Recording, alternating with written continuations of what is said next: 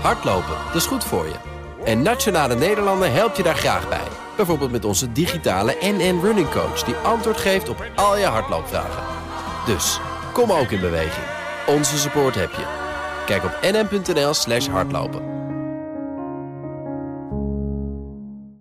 Nog acht dagen en dan zijn de verkiezingen. En wij bereiden je voor. Vandaag bespreken we de arbeidsmarkt. Luister en blijf. BNR Nieuwsradio. The Big Five. Art Rooijakkers. De veehouderijsector, ja, is het, 2050, dan moet Nederland klimaatneutraal zijn. Dan speelt de veehouderijsector natuurlijk ook een rol in. Als grote uitstoter moeten ze flink aan de bak. Welke gesprekken worden er gevoerd in de boardroom door topbestuurders? Wat is de rol van Den Haag? Wat is de sleutel tot verduurzaming? Dat bespreek ik in BNR's Big Five van de grote uitstoters... met de top van het bedrijfsleven, maar ook met strijders... die de boel bijvoorbeeld via rechtszakenbeweging proberen te krijgen. Vandaag de gast Dick Hoordijk, algemeen directeur van Agrifirm. Hij is sinds 2016 de algemeen directeur van... een van de grootste veevoerbedrijven van Nederland. Het bedrijf levert elk jaar meer dan 5 miljoen ton diervoeding aan klanten wereldwijd. Uh, afgelopen jaar werd Agrifirm ook onderdeel van de boerenprotesten. Financierde onder andere de, de protesten als een van de financiers en de promotor van de slogan Trots op de boer. Welkom. Dank je. We gaan het hebben over de verduurzaming en de toekomst van de veehouderijsector. Het komt allemaal in bod. Ik wil graag eerst twee dingen van, uh, van u weten. Allereerst, de, de reclamecodecommissie heeft definitief een streep gezet... door het keurmerk On the Way to Planet Proof. Ik zag hem gisteren nog voorbij komen trouwens op tv. Van onder andere zuivel, eieren en groenten. Uh, het zou een onjuiste natuurclaim zijn... en de melkveehouderij juist intensiveren. Vind je terecht, vindt u terecht dat zulke keurmerken hierop worden aangepakt? Uh, nou, we moeten met z'n allen goede keurmerken hebben die echt ergens op slaan en die kloppen. Uh, dat is natuurlijk heel erg belangrijk. Uh, wat ik er lastig aan vind, is uh, het, zijn, het zijn positieve ontwikkelingen. Het zijn ontwikkelingen die echt bijdragen aan stappen die we met elkaar moeten zetten. Ehm, en ze moeten uiteraard kloppen. Dus ik, ik ga er niet inhoudelijk op in, daar weet ik ook niet genoeg vanaf. Maar ik hoop wel van harte dat we met elkaar uh, keurmerken hebben. waarin we echt boeren kunnen helpen om stappen te zetten. Hè, en consumenten kunnen overtuigen van hé, hey, daar geloof ik in. Uh, en daar kies ik bewust voor. Ja, want uh, het is misschien een vraag waarvan je denkt: ja, waarom komt het niet meer bij terecht? Maar dat brengt me ook bij mijn tweede vraag. Want Agrifirm was tot de stikstofcrisis eigenlijk bij het grote publiek onbekend, zou je kunnen zeggen. Nu staan, staan, staan jullie veel meer in de spotlights. Krijg je ook vragen als dit? Hoe, hoe, hoe bevalt die aandacht? Nou, weet je, ik, ik werk er inderdaad sinds 2016, hè, dat is zeven jaar nu. Uh, en als je de sector binnenloopt, dan realiseer je heel snel wat voor enorme impact uh, de boeren en hun toeleveranciers hebben op die totale voedselketen. Uiteraard ten eerste de voedselproductie zelf, uh, maar ten tweede ook inderdaad alle uitdagingen daaromheen, van de uitstootverminderingen enzovoort. Dus dat we beter met elkaar begrijpen van... hé, hey, aan het begin van die primaire sector zit een ongelooflijk belangrijke sleutel tot de oplossing. Daar ben ik wel blij mee. Want daarmee uh, zijn wij zelf ook in staat om mooie discussies te voeren... met andere partijen in de keten. Uh, en met elkaar te zeggen van, hé, hey, hier zit een groot deel van de sleutel. Uh, jij hebt zelf je eigen impact. Hè? Bijvoorbeeld een bedrijf, een retailer, hè? Die, die impact heeft op consumenten enzovoort kunnen we meer samenwerken, omdat we dan die verbeteringen kunnen versnellen. Ja, dus dan, dan, dan hoort erbij dat er ook aandacht is voor Agrifilm zelf. Ja, zeker. Want wij, wij leveren de inputs van de boeren. Je, je introduceerde ons als veevoerbedrijf. We zijn ook heel groot in de akkerbouw. Mm -hmm. 40% marktaandeel voor de akkerbouwers, de, hun toeleveringen in Nederland. Dus dat maakt ons een, een vrij grote speler op ja. de inputs. En die inputs, hè, het voer, de, de kunstmest, dat soort zaken die hebben veel impact uh, op, uh, nou ja, he, zowel op die uitstoot als op de oplossing daarvan. Ja, want de veehouderijsector, we hebben het over de grote uitstoters deze week. Goed voor 9% van de totale Nederlandse broeikasuitstoot. Ik zei het al, de cijfers van het CBS. Dus jullie niet in twijfel trekken, toch? Of wel? Nee, nee, nee. nee Oké, okay. nou, jullie houden zelf geen vee. Jullie leveren het voer aan bijvoorbeeld varkenshouders. Uh, nou, ook akkerbouwers zijn jullie groot in. Wat is jullie aandeel? Heb je dat ooit berekend van de, binnen de uitstoot van de veehouderijsector? Dus van die 9%, hoeveel komt er op uh, konto van uw bedrijf? Nou, wij, wij leveren ongeveer, we hebben tussen de 15 en de 25 procent marktaandeel. Een beetje afhankelijk van welke diersoort we het over hebben. Dus dat zal ongeveer gemiddeld, zullen wij zo'n 20 procent van het voer leveren in Nederland. Uh, en voer heeft, uh, is een van de grotere factoren die hier impact op heeft. Dus 2 procent van de Nederlandse uitstoot komt door Agrifirm? Komt, kan, kan mede positief beïnvloeden inderdaad, uh, als we daar de oplossing neerleggen. Ja, ja. Ja. Jullie omzet was 2,8 miljard euro 2022. Bijna 3000 medewerkers. Grote, grote speler dus. Ook, zie je ook uit het marktaandeel. Um, dat geeft ook een grote verantwoordelijkheid. Ja, maar dat vind ik juist wel de reden om uh, met veel plezier deze baan te doen. De uitdagingen zijn best groot. Uh, maar als je in, uh, in oplossingen denkt, dan heb je ook het idee inderdaad van ja, wacht even, hier zit veel impact. aan het begin van de keten, die wij samen kunnen beïnvloeden. Dus iedere keer als wij een oplossing vinden, heb je daadwerkelijk ook een stapje gezet. Uh, en dat, dat vind ik heel erg inspirerend. Want wij zitten niet bepaald in de wedstrijd van wij willen niks veranderen en er kan niks. Er kan heel veel. Uh, we hebben ook echt wel hele gave ontwikkelingen meegemaakt de afgelopen paar jaar van verbeterstappen. En we zouden het liefst nog meer versnellen met onze boeren, inderdaad, om dat daadwerkelijk ook uh, nou ja, tot economisch succes te brengen. Ja. Maar toch even, die, die 9% van de totale broeikasuitstoot, 2% door Agrifirm, bijdragen aan het bruto binnenlands product van de veehouderijsector, dan noemen ze het het uh, veehouderijcomplex, uh, is minder dan 1%. Gaat het hand in hand? Ja, ergens dat, hè? Ja. Dus dat is onze voeding. Hè? Dus als je aan mensen vraagt, wat kun je nou echt niet missen in je leven? Hebben mensen het meestal over liefde. Als je een beetje doorvraagt, begrijpen ze: oh ja, nee, oh, voeding. Ja, ja. Voeding is een week of zo, dan heb je een probleem. Dus onze meest belangrijke sector in Europa, in de wereld, is je primaire sector. Je boeren die jou drie keer per dag van voedsel voorzien. Uh, en we hebben die economisch zo ontzettend strak gezet. Uh, dat ze eigenlijk qua economische waarde een vrij kleine sector zijn. Ja, maar dat is dus ook aan de ene kant een hele kleine sector, zegt u, hè, minder dan 1%. Aan de andere kant wel bijna 10% van de uitstoot. Nee, ik zeg, we hebben hem economisch vrij klein gemaakt. Ja. Omdat we waanzinnig gedreven zijn geweest door efficiëntie de afgelopen 40 jaar. Daar hebben boeren briljante dingen gedaan. Ik geef je één voorbeeld. Uh, een melkveehouder krijgt sinds de eind jaren 80 dezelfde prijs voor zijn melk hè, op het boerenerf. Sindsdien zijn eigenlijk door de inflatie alle prijzen verdubbeld, maar niet bij de boer. Dus de boer die krijgt nog steeds die gemiddelde, wat zal het zijn, 35 cent. Krijgt hij al dus 35 jaar lang. Mm -hmm. En daar denken we met elkaar niet veel over na. Uh, maar ondertussen heeft die boer zijn stikstof verlaagd. Die heeft uh, dierenmaatregelen, dierenwelzijnsmaatregelen genomen. Antibiotica is eruit gehaald. Dus we zijn eraan gewend geraakt dat boeren allerlei hele belangrijke stappen zetten in onze voedselketen. En tegelijkertijd dat wij kunnen zeggen: hey, moest luisteren, ik ga je er niet voor betalen. Hoeveel zou melk moeten kosten? Hoeveel uh, die, die 70% zou schitterend zijn als de boer dat zou krijgen. Nou, twee keer zoveel. Hè. Dat, dat is alleen maar inflatie. He, dat, dat, dan zeg je gewoon van jongens, luisteren, jouw auto, jouw huis, alles is ook duurder geworden. Laten we nou afspreken dat de melkprijs meegaat met inflatie. Dat zou betekenen 30 cent in de winkel meer. Mijn mensen zeggen meestal 10, 10 cent zou enorm helpen. Ja. He, dus, dus, dus, dus waarom ageer ik tegen jouw punt inderdaad over je bent economisch vrij klein? Ja, maar je bent qua qua levensbehoeften ben je volstrekt onmisbaar. Ja, dat snap ik. Hè? Dus maar ik zou heel graag een verband zien tussen de economische waardering ja? uh, en het belang van de sector. Ja. Want dan zou je een andere sector hebben. Ja, maar in, de, in, de economische realiteit, in de economische realiteit die we nu kennen, want ik snap het punt, ik begrijp het. Maar de economische realiteit waarin we nu leven is zo dat de sector minder dan 1% bijdraagt aan het bruto binnenlands product. Tegelijkertijd voor bijna 10% zorgt van de broeikasuitstoot. Dat valt lastig met elkaar te rijmen. En ik probeer dus een punt te maken dat die sector 50 miljoen mensen voedt. En dat je, en dat je ik, ik, weet niet of jouw punt is, kun je dan niet beter ermee stoppen? Maar ik denk niet dat je dat wilt zeggen. Nee, nee, wat maar ik niet wil zeggen is dat, dat betere... het niet hand in hand lijkt te gaan. Dat aan de ene kant is de uitstoot dus veel hoger dan de bijdrage. Dus als kleine sector ben je wel een grote vervuiler. Ja, ja. ja en, en, en het verband dat ik probeer te leggen dus... Hè, is, we hebben als sector uh, heel erg lang uh, een situatie gehad... dat wij in de voedselketen werken aan efficiëntie. Uh, enorm succesvol. He, dus, dus een dier groeit steeds efficiënter op, op, op minder voedsel. Koeien geven steeds meer melk. En ergens zijn we de laatste paar jaren steeds meer met elkaar bewust geworden van: oh, wacht even, het is een kwestie van evenwicht. En, en, en op het moment dat wij die sector economisch zo ontzettend strak neerzetten, dus boeren hebben heel weinig financiële ruimte. Mm -hmm. uh, maar we gaan tegelijkertijd wel uh, dan inderdaad bijvoorbeeld met elkaar praten over uitstootvermindering. Wat logisch is. Je wilt met elkaar minder uitstoot hebben. Daar moet je die 9% ook uh, voor, voor meepakken. Dan krijg je dus deze discussie.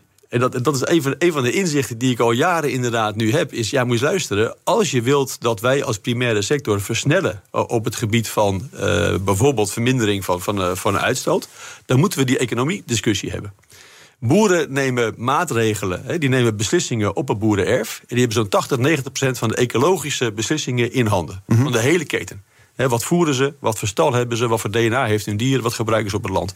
Dus boeren hebben een enorme impact op de ecologische footprint van onze voedselketen. 90% van de beslissingen ligt bij de boer. 10% van de economische waarde in de keten ligt bij de boer. Het is die verhouding, 90% van de verantwoordelijkheid, 10% van het inkomen. Daar moet iets aan gedaan worden. Daar moet aan gedaan worden. Nou, dat, dat punt is duidelijk. Tegelijkertijd, als we dan kijken naar uh, de discussies over het verlagen van de uitstoot van de veeteelt, die 9%, hoe krijgen we dat omlaag? Gaat het toch vooral om de krimp van de veestapel? Dat is dan het punt dat op tafel ligt in Nederland. Daar bent u het natuurlijk niet mee eens. Nou, Uh, er zijn natuurlijk heel veel manieren om uitstoot te verlagen. we kunnen ook zeggen, we halen de helft van de auto's weg. Of de helft van de mensen. Als, als je over zulke dingen begint te zeggen... mensen, nou, dat vind ik niet zo'n gezellige oplossing. Nee. En dat, dat vind ik dat boeren ook dat recht hebben om te zeggen: van joh, je kunt altijd nog kijken naar uh, moet je minder volume produceren. Mm -hmm. Dan krijg je natuurlijk de volgende vraag: wie gaat die dieren dan wel uh, houden? Hè? Is dat ergens in het buitenland waar we er geen last van hebben? Hè? Is dat wel netjes? Of is dat een beetje koloniaal denken? Hè? Van laten een ander maar een probleem mee uh, oplossen. Koloniaal denken? Nou ja, wij willen hier geen uh, vervuilende industrie. Je had het gisteren over die staalfabrieken. Die leggen we dan ergens anders neer. Dat deden we vroeger ook. Dus het Rijke Westen die zorgt goed voor zichzelf. En het geld wordt verdiend in een land waar we niet goed opletten wat daar gebeurt. Dat vind ik geen chique manier van denken over je voedselketen. Dus als wij kijken naar uh, hoe produceer je voedsel, dan hebben wij een hele belangrijke opdracht als primaire sector om te zeggen: moest luisteren, het kan schoner. daar kun je echt stappen in zetten. Uh, dat weten wij ook. Daar hebben we ook innovaties voor gedaan die echt hout snijden en die echt bijdragen. Uh, en volgens mij moet je de volgorde nemen. Moet luisteren, Europa wil zijn eigen voedsel produceren onder randvoorwaarden. En de randvoorwaarden is heel duidelijk in evenwicht met de natuur. Uh, wij zeggen er altijd bij, met een gezond verdienmodel voor de boer, dat zou je begrijpen. Uh, en dierenwelzijn. Als je die drie dingen tegelijkertijd weet te combineren, heb je een gezonde voedselketen. Dan heb je Nederland met de Wageningen Universiteit hè, en 70 jaar ervaring van hoe ga je nou uh, efficiënt met, met voedselproductie om. Nou, ik zou niet te snel zeggen, breek dat maar af. Ik zou wel zeggen, moest luisteren, we hebben doelen. En daar gaan we ons aan houden. Ja. Die 55% reductie richting 2030. De neutraliteit ten opzichte van de impact op het milieu in, in 2050. Maar inkrimping van de veestapel zegt u van dat is niet het primair doel. Want Wilco Brouwer, de koning van LTO Nederland, verwacht dat de veestapel de komende drie jaar al met 10% zal dalen. Meerdere politieke partijen zien een nog grotere daling voor zich. Zelfs Caroline van der Plas verwacht een, van ja. de BBB verwacht een daling van de veestapel. Denken jullie dat ook? Veestapel gaat krimpen de komende jaren? Ik denk niet dat het een doel moet zijn. Ik denk wel dat door de maatregelen die nu genomen worden. Welke dus je, mag, je mag minder mest op het land uh, uh, uitrijden. Hè? Mm -hmm. Dat betekent dat je gewoon te veel mest in Nederland gaat krijgen. Dat krijg je niet zo snel opgelost. Dus zijn melkverhouders nu de calculatie aan het maken. En die denken van ja, als ik mijn mest niet kwijt kan, hè, of zeg maar in de circulaire economie dat het op het land mag, dan moet met een derde omlaag. Hè. Dat is uh, ja. wel daar een uitzonderingspositie als Nederland, die hebben we niet meer. Die wordt nu afgebouwd. Dus ja, dan gaan boeren die calculatie maken en die zeggen dan: hé, hey, er is geen ruimte meer voor mij. Dus dat als boeren persoonlijk die beslissing nemen, dan kan ik dat alleen maar respecteren. Mm -hmm. Ik kan tegelijkertijd wel zeggen: we gaan naar het grote plaatje kijkend, is dit de bedoeling? Ja, want jullie concurrent voor Farmers verkocht in 2022 6,6% minder veevoer. Zit dat eigenlijk bij jullie? Uh, nou, in, in, Nederland stijgt het niet. Nee. Wij, we hebben best wel marktaandeelgroei, maar wij kijken meer naar uh, de oplossingen waar ik het net over had. Hè. Kunnen wij groeien in, uh, in, in verduurzaming, verduurzamende oplossingen? We zijn niet zozeer bezig met we moeten zoveel mogelijk volume verkopen, maar we willen kijken naar verantwoorde uh, oplossingen. Dus ik vind dat die focus bij ons uh, daarop hoort te liggen. Uh, maar in Nederland krijg je natuurlijk geen groei van de veestapel. Dat, dat promote ik ook helemaal niet. Ik zeg alleen, moest luisteren. Het gaat over voedselproductie. Nederlanders eten 75 kilo per persoon vlees per jaar. Dus dat moet je dan op een verantwoorde manier produceren. Dus dierenwelzijn, boereninkomen, impact op het milieu. -hmm. Als je dat in Nederland doet, kun je er toezicht op houden. En laten we met elkaar dan ook de verantwoordelijkheid nemen om die evenwicht he, tussen die drie punten met elkaar te bereiken. Balans te houden. Ja. De Big Five. Art Rooijakkers. Met vandaag de gast Dick Hoordijk, hij is algemeen directeur van boerencoöperatie Agrifirm. Uh, bestaat uit 10.000 boeren, hè, de coöperatie. In hoeverre, was ik even benieuwd, bepaalt Agrifirm de koers of de achterban? Hoe werkt dat? een coöperatie, dat is een hele mooie combinatie. Dus als bedrijf uh, hebben wij een ledenraad van 70 boeren die vertegenwoordigen die 10.000 boeren. Uh, daarmee gaan wij in gesprek uh, over onze strategie. Daarmee vinden wij de balans tussen hey, die verduurzaming is heel belangrijk. en hoe zorg je dat dat niet ten koste gaat van het boereninkomen. Dus ik stem af met die boeren en ook met mijn commissarissen. De commissarissen, vijf boerencommissarissen, drie externe. Uh, hebben wij die discussie. Dus eigenlijk leidt een coöperatiemodel tot uh, dicht bij je klant staan. Hè, dicht bij je eigenaren, want dat zijn die boeren. En uh, tegelijkertijd uh, geven ze ons de vrijheid om het bedrijf uh, goed te leiden. He, dus wij worden niet in elk detail op onze vingers gekeken. Dat kan ook niet. Nee. Maar zo'n discussie over verduurzaming, ja, die voer je wat degelijk met je achterban. Dus het is een mix eigenlijk van de boerenagenda en, en, de, en de, nou, de duurzaamheidsagenda, zou ik maar zeggen. Ja. Tweede, in, in, juni was het dat het landbouwakkoord klapte. dat zou een leidraad geweest zijn voor de agrarische sector richting 2040. Nou, dat, dat klapt uit elkaar. Is dat, is dat een grote tegenvaller voor de agrarische sector? Nou, wat wij gedaan hebben, we hebben direct een brief gestuurd naar de minister en gezegd: joh, er zaten heel veel hele goede dingen in. Het zou wel echt doodzonde zijn als dat weer verloren gaat. Ja, ik las die brief inderdaad. Ja. ja. Nee, wij hebben ja, precies gepubliceerd op onze website. We hebben, we hebben van een heel aantal dingen hebben wij hard meegewerkt om te zeggen: van nou, die realistische balans tussen je moet uiteraard verduurzamen en tegelijkertijd dat boereninkomen in de gaten houden. Hoe doe je dat nou op een goed gecontroleerde manier? En er kwamen dingen uit waar eh, Den Haag zeker oren naar had hè, als praktische oplossing. Wij zijn natuurlijk mensen van de praktijk. Uh, en waar boeren achter stonden. Het voelde als, toen ik die brief las, dacht ik, jullie zien het als een gemiste kans. Jazeker. Ik denk dat die geklapt is omdat dat boereninkomen... Daar, daar is LTO natuurlijk terecht heel gevoelig voor. als wij met elkaar dingen afspreken als wij gaan die en die impact verlagen...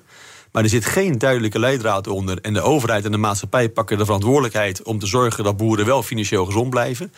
dan maak je een eenzijdige afspraak. En we kregen dat niet scherp. En dat is geen verwijt aan iemand, maar dat geeft aan... dat daar de enorme complexiteit zit. Ik zei net al, ik zit zeven jaar in deze baan. En ik, ik word soms ook een beetje moe van het verhaal wat ik iedere keer vertel. Maar het is niet de weerzin van de sector. Het is zeker niet de weerstand van de boeren. Waardoor die verduurzaming niet versnelt. Maar het is het economische model wat we verkeerd hebben ingericht. We hebben het overgelaten aan de vrije markt. Ik ben zelf Rotterdamse econoom, dus ik ben geen uh, tegenstander van liberale markten. Maar als jij. een Erasmus toch? Ja, ja zeker. Ja. Dus, dus ik, heb, ik, heb, ik heb de boekjes netjes al mogen lezen over vrije economie en de grote voordelen daarvan. Maar als je niet uh, financiële optimalisatie gaat toepassen in een keten zonder financiële prikkel, dan komt die niet. Mm en weet je, het, mooie voorbeeld wat ik vaak gebruik is uh, soja uit Brazilië. we praten over ontbossing en dan zegt iedereen gelijk: ah, Brazilië. Brazilië is een zorg. Nou, daar zitten wij, zowel zakelijk als qua uh, grondstofkoper. En wij hebben gezegd, moest luisteren, wij willen gegarandeerd ontbossingsvrije soja. Dat is een enorme klus geweest. Dat betekent dus van begin tot het einde volg je die boon en zeg je dat klopt. Hier is de afgelopen tien jaar niet ontbost. En waarom doen we dat? Ten eerste, Brazilië produceert 40% van het plantaardige eiwit wereldwijd. Hè, dus je zult wat moeten. En het tweede, en dat is het rare, is je kunt ook soja in Noord-Amerika kopen. Mm In Noord-Amerika is geen discussie over ontbossing. Uh, waarom ook weer niet? Je hebt 100 jaar geleden de laatste bomen gekapt. Hè, dat is makkelijker. Dus we hebben daar niet meer over te hebben. Mm Brazilië heeft dat niet gedaan. Die zijn we nu heel streng op. Het Westen heeft het wel gedaan. Maar goed, dat is, dat is een beetje uh, water onder de brug. Dus je kunt gewoon soja uit Noord-Amerika halen zonder dat iemand jou vragen stelt over ontbossing. En dan kun je de simpele vraag stellen: en waarom doen de Nederlandse eh, veevoerbedrijven dat dan niet? En het antwoord is: het is duurder. Nou, dan zou je kunnen zeggen: kun je dat niet absorberen? Nee, daar heeft de boer de marge niet voor, daar heeft de veevoerindustrie de marge niet voor. Wat moet er dan gebeuren? Dan zou je dus de melk, of het vlees of de eieren, geval vooral de melk, zou je iets duurder moeten maken. En die ruimte wordt je niet gegeven. Kun je dan ook stellen toch dat de sector misschien gewoon ongezond is? Dus dat het blijkbaar niet zo is dat, dat je alleen maar op een vervuilende manier... met hele kleine marges levensvatbaar bent als bedrijf. Ik, ik vind dat een, een goede samenvatting inderdaad... waar wij als maatschappij onszelf in de spiegel moeten kijken... en zeggen, oké, we hebben dus de voedselketen overgelaten aan de vrije markt... Het is nu heel makkelijk om te gaan zwarte pieten. Eh, sommige mensen wijzen dus naar de boeren, andere mensen wijzen naar de retail. Eh, en, en, mijn beeld is gewoon, moest luisteren, breng het gewoon in kaart. Ik was vorige week in een conferentie met retailers. En dan vertel ik het verhaal gewoon. Dan zeg ik, joh, moet luisteren. 90% van de ecologische besluitvorming, 10% van de economische waarde ja, op bij die boer op het erf waar we het over hadden. Ja. Maar die 90% economische waarde die die boer niet heeft, die zit dus deels bij Agrifirm, die zit deels bij Friesland Campina, die zit deels bij Unilever, die zit bij, bij, uh, bij Albert Heijn. Allemaal partijen, Jumbo, allemaal partijen die daar in die zaal zitten. Van hé, hey, dus je zult naar die boer toe moeten en zeggen: hé, hey, ik heb een ecologische uitdaging. Hè, ik heb mijn scope 3 bijvoorbeeld, hè, die, die, die mooie beweging die nu ontstaat. Wat? Bedrijven worden ook verantwoordelijk voor de CO2 in hun eigen keten. Dus Albert Heijn die kan CO2 verminderen door uh, de koelkast een graadje warmer te zetten in de winkel. Maar ze moeten ook CO2 verminderen bij de boer waar ze het mhm. spul gekocht hebben. En dat opent een geweldige gelegenheid voor ons om die discussie aan te gaan met Albert Heijn. Hey, we kunnen daarbij helpen. Of een Jumbo of een Unilever. Dat zijn we ook aan het doen. Mhm. En die discussies gaan nu veel beter dan een paar jaar geleden. Omdat we dus inderdaad dat nu een economisch belang gemaakt hebben. Als bedrijf krijg jij een boete of mag jij niet meer verkopen als je niet die, uh, die CO2 in jouw keten verlaagt. Maar terug naar het punt, we zitten nu met een sector waar de marges zo klein zijn dat je alleen op een vervuilende manier levensvatbaar bent met kleine marges. Je kunt dus wel degelijk stapjes zetten. Dus wij hebben die ontbossingsvrije soja, dat scheelde 100.000 ton CO2. Dat is best een mooie stap. Eh, we hebben Bovaar van DSM, dat is een, eh, een, een, een additief wat je toevoegt aan het voer, waardoor de boer, sorry, de koe minder ammoniak uitstoot. En iedere keer art tot vervelens toe gaat de discussie over en wie betaalt het. Dus het is niet niet zo, heel nadrukkelijk. Het is niet zo dat je niet anders kan als sector. Maar we moeten met elkaar beter de verbanden in de sector begrijpen. En zeggen, die mensen die 90% van die economische waarde van die sector in handen hebben, die moeten dichter bij die boer komen staan en zeggen: hey, beste boer, hoe kan ik jou helpen om te zorgen dat we samen de ecologische verantwoordelijkheid meer nemen? Ja, maar ja, en dat is de wereld waar we nu in zitten en dat beweegt. Snap ik. Maar u wordt ook betaald door Agrifirm. Dus die, die, die winst van hoeveel was het vorig jaar? Hoeveel miljoen was het? 50 miljoen. Ja. ja. daar gaan ze ook niet van zeggen: nou, lever daar maar de helft van in om de boeren te ondersteunen. Ik, ik denk dat, uh, dat, dat de oplossing moet zijn dat je kijkt over alle sectoren. Het is Agrifirm die geeft miljoenen uit aan research en aan een aantal zaken inderdaad uh, om deze dingen te verbeteren. Dat mag je ook verwachten. Dat vinden de boeren ook een goed idee. Dus een groot deel van onze winst gaat juist zitten in dit soort verbeterprocessen. Mm En als je dan een mooie stap wil zetten, en ze nu dan lukt dat ook. En ik denk dat de komende jaren dat veel meer gaat gebeuren door he, die ketenverbindingen die nu veel beter begint te ontstaan. Uh, dat we zeggen, nou kijk eens, en dit zijn allerlei oplossingen die al kunnen dus je bent helemaal niet automatisch vervuilend omdat je te weinig geld verdient. Nee, de keten verdient voldoende geld. En misschien hebben we nu ook naar de consument moeten kijken. Van, hey, valt daar nog iets eh, uit te leggen dat je een paar centen meer moet betalen? Mhm. En dan zijn die oplossingen die wij in handen hebben. Hè? Dus het is niet zo dat wij op onze handen zitten en zeggen... er is geen verbetering mogelijk. Wij hebben CO2-verlagende maatregelen. We hebben circulair voer. Hè? We hebben additieven die verbetering brengen. We hebben adviseurs die boeren kunnen helpen... om te zorgen dat ze minder stikstof uitstoten. Hè? Dat vaak een kwestie is van goed managen van de boerderij.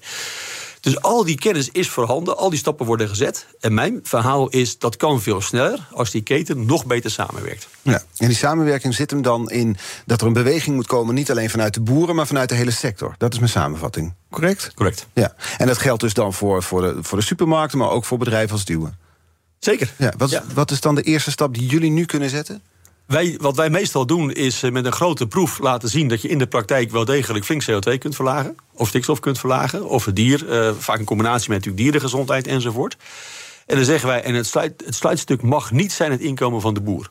Als wij als agrifirms nu en dan wat geld bijleggen bij zo'n proef, dat is prima. Maar je kunt niet jarenlang uh, vervolgens zeggen van ja, agrifirm verdient helemaal geen geld meer. Dan zijn we zelf uitgespeeld.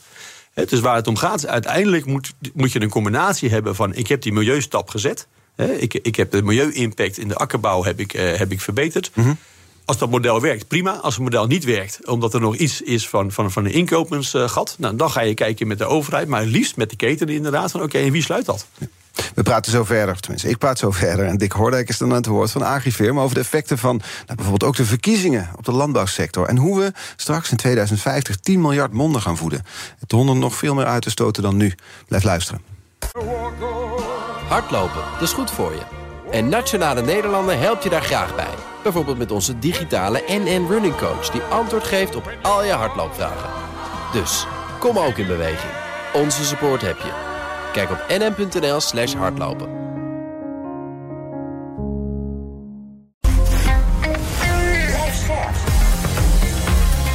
BNR Nieuwsradio. The Big Five. Art Rooijakkers. Welkom bij de tweede half uur van BNR's Big Five. Deze week dus vijf kopstukken uit de wereld van de grote uitstoters. Later praat ik nog met advocaat Benedict Fiek... over de rechtszaak tegen chemiebedrijf Grimoer. Vandaag de gast Dick Hoordijk, algemeen directeur van boerencoöperatie Agrifirm. En komende half uur wil ik graag nog twee onderwerpen met u bespreken... namelijk de lange termijnvisie op de agrarische sector...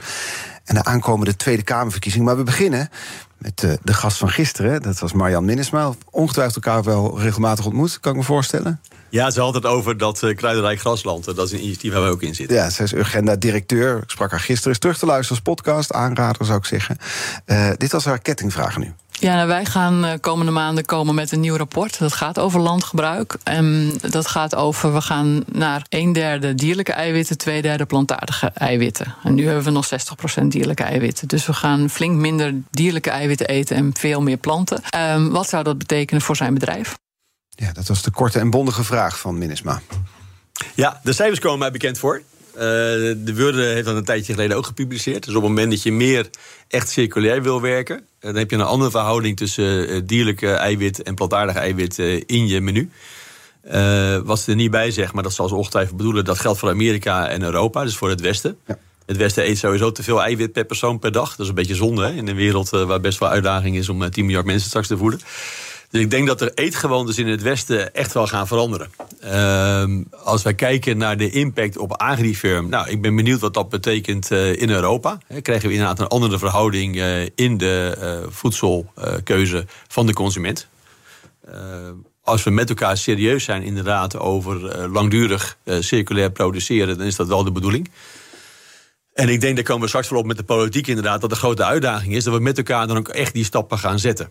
Nou, wat betekent dat voor Agrifirm? Uh, wij zijn bezig om voor te bereiden dat we dieren anders gaan voeden. dus dieren eten nu vaak uh, op de meest efficiënte manier. dan zijn we toch bij de andere discussie die niet nog een keertje gaan voeren. Uh, maar we gaan kijken naar, oké, maar je moet het dier gezond houden, boereninkomen gezond houden en circulair gaan produceren. En dat betekent dat dieren steeds meer bijproducten gaan eten. Bijvoorbeeld als je bier geproduceerd hebt, dan blijft er iets over waar best nog wel veel uh, dat, voedingswaarde in zit. En dat zou je dus kunnen voeren aan dieren, wat vandaag toch vaak al gebeurt. Dus door constant dat soort keuzes te maken, worden dieren dus onderdeel van een circulair systeem. Uh, is de footprint die je toewijst aan de dieren dus veel minder en krijg je een nieuw evenwicht. Dus ik denk dat uh, mevrouw Minnesma inderdaad terecht zegt... inderdaad, er komt een andere verhouding in het Westen. Uh, dat dat impact heeft op agrifirm in die landen. Uh, als je kijkt naar wereldwijd, dan zien wij tegelijkertijd wel... dat ontwikkelende landen wat meer dierlijke eiwit zullen gaan eten waarschijnlijk. Omdat ze het Westen kopiëren en het zien als luxe voedsel. En daar heb je een andere opdracht dan voor bedrijven als agrifirm. Oké, als dan de dierlijke productie gaat toenemen in landen als uh, nou landen in Afrika eh, hebben wij daar dan een verantwoordelijkheid om te zorgen dat ook daar dan, je probeert wel direct de inzichten die het Westen ontwikkeld heeft de afgelopen 50 jaar daar toe te passen. Ja, dus op die manier heeft het dan impact. Wat ik nou zo interessant vind, is dat, we, dat ik spreek en ik kijk naar een man die zijn blik op de toekomst heeft. Die, die bezig is met de transitie die in deze sector uh, nodig is, zegt u zelf ook. Die bezig is met hoe gaan we straks richting 2050 al die monden voeden, waar we straks over komen te spreken. En tegelijkertijd steunde Agrifirm de boerenprotesten die we allemaal. We kennen allemaal de beelden van de trekkers op de snelwegen nog met geld en middelen. Dat vind ik zo moeilijk met elkaar te rijmen. Nee, dat, dat, dat is heel logisch. Ten eerste, dat doen we de laatste tijd niet meer. Hè. Nee, we, hebben op een gegeven moment ook gezegd... we willen nu echt, uh, we, we, moeten even een punt maken... maar we willen nu echt uh, de communicatie aangaan. Hè. Uiteindelijk lossen we dit op door in gesprek te gaan... met de keten en met de, met de overheid. Ja, of dat nou is Johan ja, Remkes of iemand anders. Ja, zeker. Exact. Ja. Maar in het begin, uh, wat je moet begrijpen is... er was wetgeving over hoe je om moest gaan met stikstof. En op een gegeven moment wordt die afgeschaft. Hè, dus die, die houdt het niet uh, in een toets uh, van een hogere rechterlijke macht. Uh, en die wet wordt afgeschaft en er komt niks meer in de plaats. Dat is derde kwartaal 2019 geweest. Het is nu derde kwartaal, vierde kwartaal 2023. Er is nog geen oplossing. Nee. Er is geen nieuwe wet. Dus jij speelt voetbal op het hoogste niveau. halverwege de wedstrijd roept iemand buitenspel is afgeschaft. Er is een nieuwe regel voor in de plaats, maar we weten nog niet welke. En jij wordt een paar keer afgefloten voor buitenspel staan en je hebt geen idee. Zo erg is het. Mm -hmm. Dus boeren weten niet wat de nieuwe stikstofregels zijn. Je weet dat het geldt ook voor de bouw en zo. Hè. Dus er liggen hele uh, bouwondernemingen liggen stil. Maar ook uh, boeren kunnen niet, uh, kunnen niet verder. Dus de boeren wilden een signaal geven. Ik denk dat wij niet begrepen worden in Den Haag en in de maatschappij. wat dit voor ons betekent. wij hebben geïnvesteerd. Wij hebben geleverd op basis van wetgeving die uit Den Haag komt. Den Haag wordt vervolgens overrold en er komt niks voor in de plaats. Dus ik, vind het, ik vond het een volkomen terecht moment om als boeren te zeggen: joh, moest luisteren. Je speelt met je voedselketen. Je speelt met familiebedrijven. Je speelt met de toekomst van een nieuwe generatie jonge boeren. Geef duidelijkheid. En niemand in de agrarische sector, zeker niet die bij Agrifin werkt, die zegt: er hoeft niks te veranderen, het valt wel mee. Nee. er moeten grote veranderingen plaatsvinden. We hebben een nieuw evenwicht nodig tussen voedselproductie en de natuur.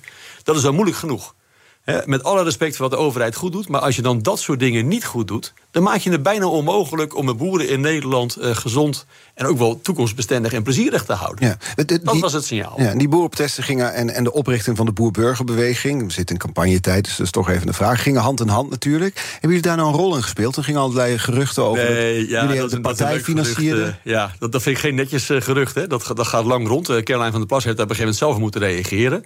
Het idee is de reclame. Uh, het reclamebureau wat gebruikt is ter ondersteuning van de boerenprotesten, is ook gebruikt om de boer-burgerbeweging te ondersteunen. Ja, en die ook achter de slogan Trots op de boer. Hè, dat Trots op de boer komt bij ons vandaan, ja. bij Agrifirm. En dat, dat reclamebureau, wat is het? Remarkable heet dat toch? Dat, ja. Ik geloof het wel, dat weet ik niet eens precies inderdaad. Maar zij heeft op een gegeven moment echt moeten zeggen: joh, kom maar in mijn boeken kijken. Ik word niet gesteund door de, vee, eh, door de veevoerbedrijven. En dat zou ik ook onzinnig vinden. Wij hebben geen lobby om de verandering in Nederland tegen te houden. De lobby die wij hebben is, moest luisteren, we kunnen stappen zetten. Dat doen we voornamelijk door hand in hand in die heel die keten samen te werken en duidelijkheid te vragen van Den Haag. Dat is onze agenda. Zoals Caroline van der Pas, waar heel veel mensen op gestemd hebben, waar ik heel blij mee was, veel meer dan alleen de boeren. Als die helpt om die duidelijkheid te creëren, omdat zij zo goed begrijpt wat er nodig is, dan zou ik dat fantastisch vinden. Maar uiteraard moeten uiteindelijk alle partijen gaan nadenken over.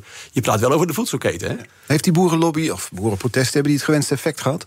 Ik denk dat ze in de eerste instantie. Ik denk ze in de eerste instantie een maatschappelijk bewustzijn hebben veroorzaakt die heel prettig was. Op een gegeven moment hadden wij wel het idee, als je te veel daar uh, de maatschappij mee uh, verstoort, hè, met, die, met die opstopping op de wegen enzovoort, dan gaat het averechts werken. Provinciehuis dat geramd werd met een trek. Ja, dat is natuurlijk niet acceptabel. Die heeft natuurlijk wel grenzen aan, aan, aan hoe, je, hoe je kan protesteren. Dus wij hebben het enorme onbegrip en boosheid van die boeren heel goed begrepen. We hebben wel altijd gezegd inderdaad, en er zijn, er zijn manieren waarop je je stem laat horen. Dat is in 99% van de gevallen ook prima gegaan. Die dingen waren niet goed is gegaan, nou goed, daar hebben we ook een wet voor, dat is netjes afgehandeld. Wat heeft de sector geleerd van de boerenprotesten? Um, Want er komt ook een reactie vanuit de maatschappij. En vanuit de politiek. Er komt ook een soort. Hè, er komen ook tegenkrachten staan, staan erop. Dus wat zijn de lessen die jullie geleerd hebben? Nou, weet je, waar, we het wel eerder over gehad hebben, is. Uh, vroeger had je boerenkinderen in de klas, waar Wim Zonneveld zo mooi over gezongen heeft. Uh, en had iedereen wel affiniteit met het boerenleven. Uh, boeren zijn zo efficiënt geworden en de schaalvergroting geweest. Hè, allemaal in het kader van hou het voedsel goedkoop. nu voedt één boer, geloof ik, gemiddeld duizend mensen. Dus je hebt hele steden waar mensen niet persoonlijk op een boerderij zijn geweest of een boer kennen. Dus wat wij geleerd hebben, dat wisten we daarvoor al, maar dat kwam toen weer heel duidelijk naar boven dat heeft Van der Pas ook voor mij in de naam van haar partij zitten. Je moet boeren en burgers weer bij elkaar brengen. Nou, burgers is natuurlijk geen algemene term, maar hè, boeren en burgers wel mooi verzonnen als uh, iteratie. Maar waar, waar, het om gaat inderdaad, joh, ga dan met elkaar in gesprek. Heel veel boeren hebben campings, heel veel boeren hebben uh, vergaderlocaties. Als agrifim vergaderen wij vaak op de boer, kun je je voorstellen. Dan zie je een, een, een gave, enthousiaste boer en boerin. Vaak is de boerin ook de drijvende kracht achter dat soort dingen. Je ziet een mooi bedrijf en je krijgt een genuanceerde beeld. En daarmee is dan niet uh, het stikstofprobleem al opgelost. Hè, of de mhm. CO2-reductie heeft al plaatsgevonden. Maar je hebt wel wederzijds begrip nodig. Ja om eigenlijk met elkaar het gesprek aan te gaan, maar hoe dan wel? Nou, dat begrip. Ja, de vraag is of zich dat in de politiek eh, of zich dat vertaalt. Hè? Want alle politieke partijen, we zitten in campagnetijd al, die hebben dan hun programma laten doorrekenen door het Planbureau voor de Leefomgeving. Nou, niet allemaal, maar veel. De partijen die dat hebben gedaan, hebben allemaal erin staan in hun programma: veestapel moet dalen, uitstoot stikstof, broeikassen en andere milieuverontreinigende stoffen moet minder worden. De mate waarin, dat verschilt per partij. Is dat iets waar jullie mee kunnen leven? Wat wij, wat wij vragen in Den Haag is: zullen we samen een doel afspreken? Dat is veel inspirerender. Ik, ik, geef je een voorbeeld, simpel voorbeeld. Uh, op de akkerbouw uh, wordt chemie gebruikt omdat jij en ik geen rups in onze sla willen of in onze bonen. Dus die, die, die, dieren die mogen niet in de buurt komen van die oogst. Die middelen, daar uh, zit tegenwoordig veel aandacht op. want dat heeft te maken met chemie en is dat goed voor de rest van het milieu? Dat moet omlaag. Wat de overheid aan het doen is, je heeft een lijstje gemaakt met die impactmiddelen. Hè, en die heeft gezegd, nou, de bovenste 15 schaffen we nu af, de volgende 10 schaffen we daarna af. Met andere woorden, die zijn, die zijn middelenmaatregelen aan het nemen. En wat wij zeggen is, nee, je moet een doelmaatregel nemen. Je moet met elkaar afspreken, milieu-impact van chemicaliën op het boerenerf. Nu nog keihard nodig, hè? want nogmaals, niemand wil die slaan met die bruine blaadjes hebben. Maar kun je elk jaar x procent omlaag. Ja. En dat meet je op het boerenerf. Hè. Dan de boeren die dat allemaal prima halen, nou geweldig. Hè, die zijn er, die voldoen aan de doelen die wij met elkaar afgesproken hebben in Nederland. En boeren die het niet halen, die worden geholpen. Zo hebben wij antibiotica uh, een jaar of wat geleden uit het voer gekregen. Ja, en, als het gaat om de meten. ja, en als het gaat om de uitstoot dan? Dus die, bijvoorbeeld die veestapel die moet dalen, uitstof, uh, uitstoot van stikstof en andere gassen. Da, moet daar geldt hetzelfde voor. worden? Daar geldt hetzelfde voor. Weet je, met stikstof, stikstof vind ik een ongelooflijk lastige discussie. Want dat is, dat is zo ontzettend uh, dat je bijna niets meer erover kunt zeggen. He? Maar stikstof is we toch eens. Nee, ja, ik, ik vind stikstof is een keuze die wij gemaakt hebben. We beschermen bepaalde natuur. Prima, we leven in een democratie. Je rijdt hier 100 en wij willen natuur beschermen. Bepaalde gebieden, prima. Maar vervolgens krijg je dan de discussie inderdaad, hoe meet je dat dan? Dus uh, jij krijgt een boete waar je hebt op de A2 heb je te hard gereden. Uh, en jij weet, die camera is volstrekt onbetrouwbaar dat doet wat met je. Mhm. en, en dan zeg ik tegen jou, maar jij wilt er niet onveilig rijden? Nee, ik wil niet onveilig rijden. Ik zou het wel prettig vinden als we met elkaar een definitie hadden... wat te hard rijden is. Wat is te veel stikstof? Die definitie in die partijprogramma's is vrij helder. De veestapel gaat dalen in Nederland als het niet politieke partijen zit. Ik hoor nu nog, nog steeds niet of dat nou iets is waar Agrifirm van zegt... daar kunnen we mee leven. Nee, dat, dat, dat is, die definitie is helemaal niet duidelijk. Nee, de, de maat waarin verschilt. Maar in de partijen die dus uh, hun programma hebben laten doorrekenen... door het Planbureau voor de Leefomgeving... staat overal veestapel dalen. En dat zou, dat zou een consequentie kunnen zijn van uh, de doelen die we met elkaar stellen. Dat als wij zeggen er moet zoveel minder stikstof, er moet zoveel minder CO2. Het moet sowieso minder, dus moet die veestapel omlaag. Het, het moet sowieso minder, staat. dus kunnen we met elkaar maatregelen nemen om te zorgen dat je voedsel blijft produceren voor Europa. Op zo'n manier dat je in evenwicht bent met het milieu. Ja. Dit is serieus spulart. Weet je, Europa zal denk ik als visie hebben: ik wil mijn eigen voedsel kunnen produceren. Ik wil niet afhankelijk zijn van een Rusland of misschien zelfs een Oekraïne. Hè, of, of, of van een Roemenië of wat dan ook voor mijn voedsel. Ik wil het zelf kunnen produceren. Als dat het begin is van je visie, Dan zeg je, oké, ik kan uitrekenen wat 300 miljoen, miljoen mensen gaan eten. Het begin van de visie in Den Haag is... uitstoot moet omlaag. Dus we gaan kijken hoe we dat voor elkaar krijgen. Bijvoorbeeld door het dalen van de veestapel. En dat is dus eendimensionaal denken. En volgens mij doen we daar onze politici tekort. Ik denk dat onze politici soms in de achterhoofd ervan uitgaan... er is meer dan genoeg voedsel. Ik kan wel allerlei nieuwe eisen stellen. En ik denk dat het verstandiger is als we met elkaar zeggen... we hebben een paar dingen. Dat is, we produceren in evenwicht met het milieu. Dat doen we vandaag de dag niet. Goed aan de bak, dat is een doel.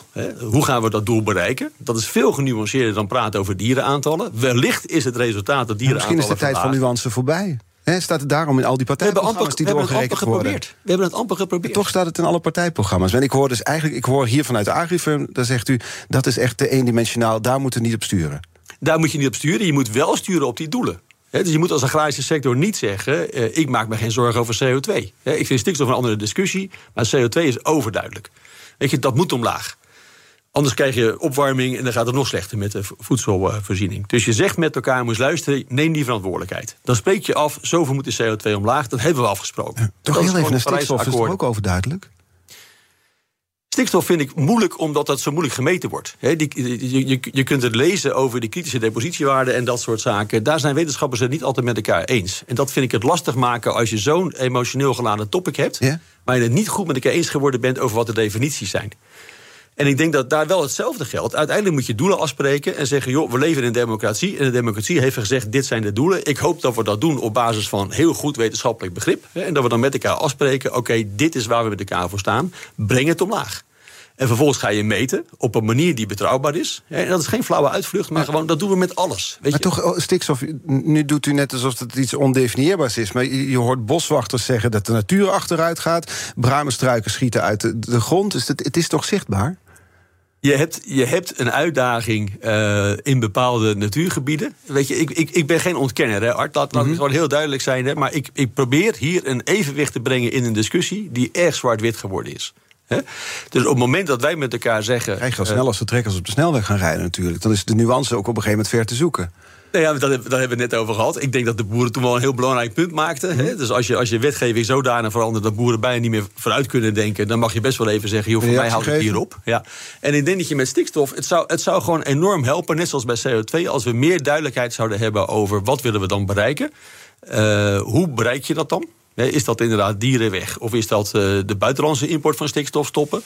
En dit is, dit is niet flauw bedoeld, Art. Dit is, dit is niet van ik geloof er niet in, maar vergis je niet. Hè, op het moment dat je hele duidelijke doelen hebt en hele duidelijke manieren hebt van meten, dan kun je afspraken met elkaar maken. Maar toch, dat punt hebben we niet bereikt. Je hebt risico, hè, dat, dat, er zijn wetenschappers die dat zeggen, wetenschappers die dat zeggen, dat als je heel veel voedselproductie in Nederland weghaalt, hè, al die boeren weg, al die familiebedrijven weg, en dat je dan in 2040 om je heen kijkt en je gaat eens meten, oh het effect valt mij tegen. Oh, de natuur is niet terug. Dus die partijen zeggen dieren weg, vleestappel verkleinen... die hebben een te korte termijnvisie. Ik zou, ik zou heel graag willen dat daar een wetenschappelijke kwaliteit onder zit. We hebben hier de beste universiteit ter wereld in Wageningen staan. Het plan over de leefomgeving, over de leefomgeving regent het door.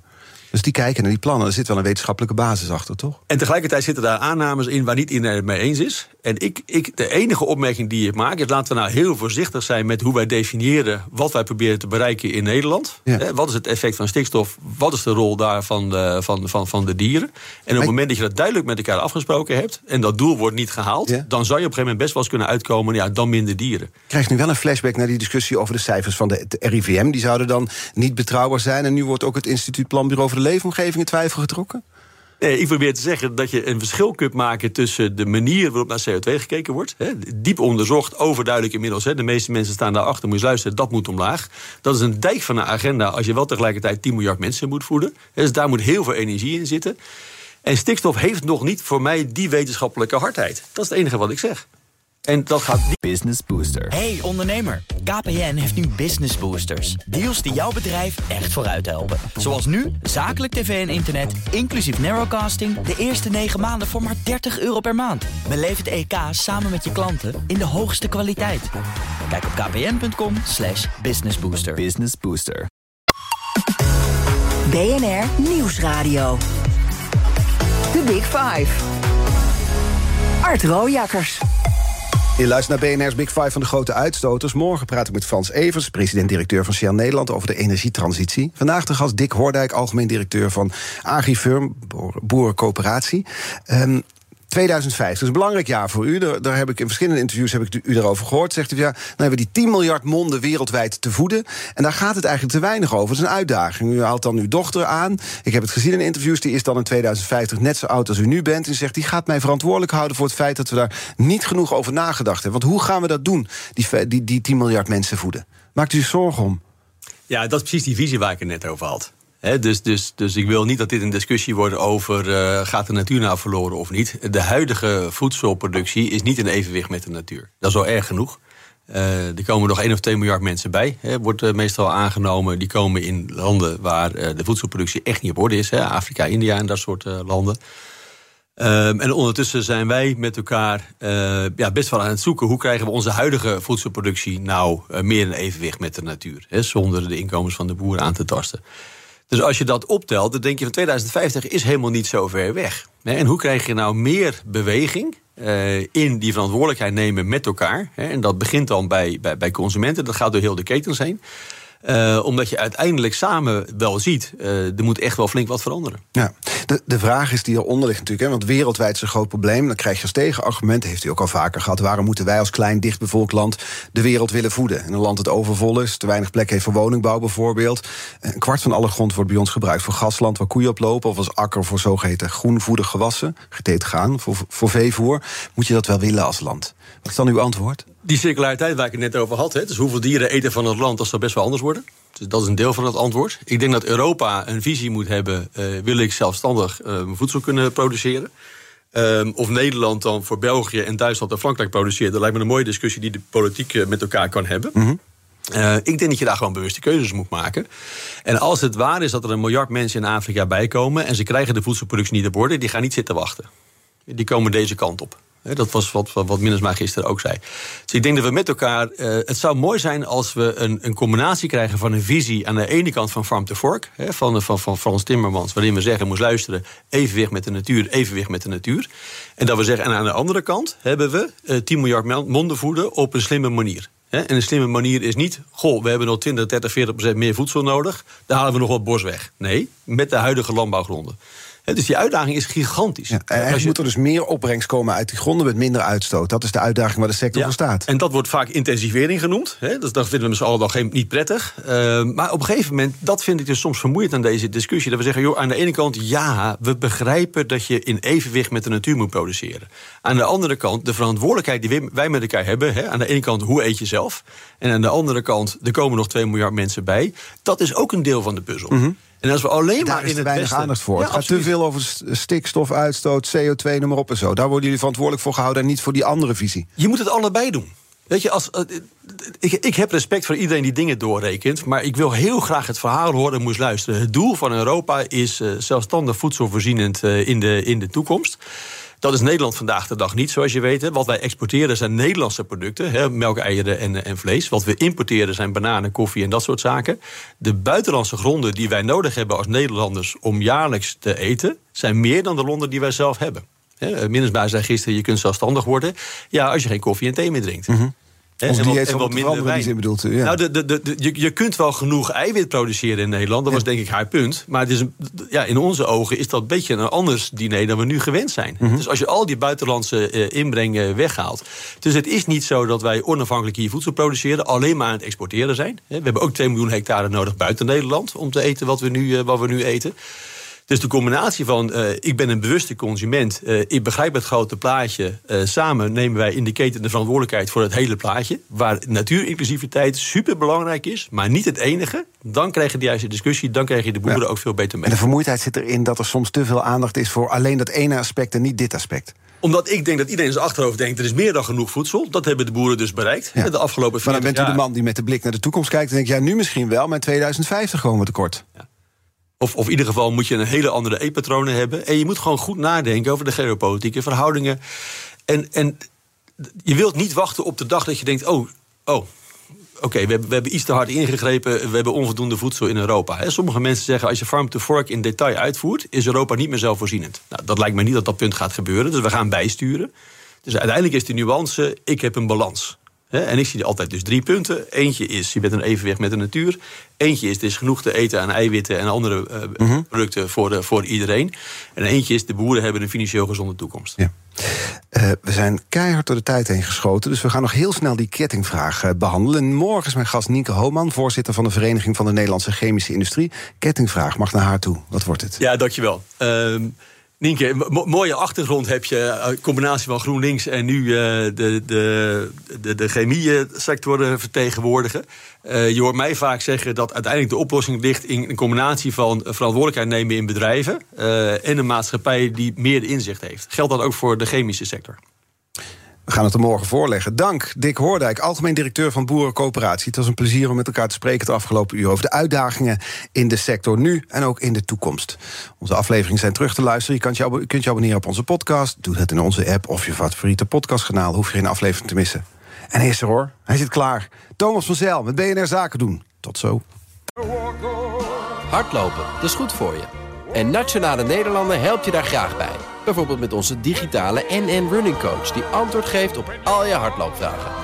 Dus, kom ook in beweging. Onze support heb je. Kijk op nn.nl slash hardlopen.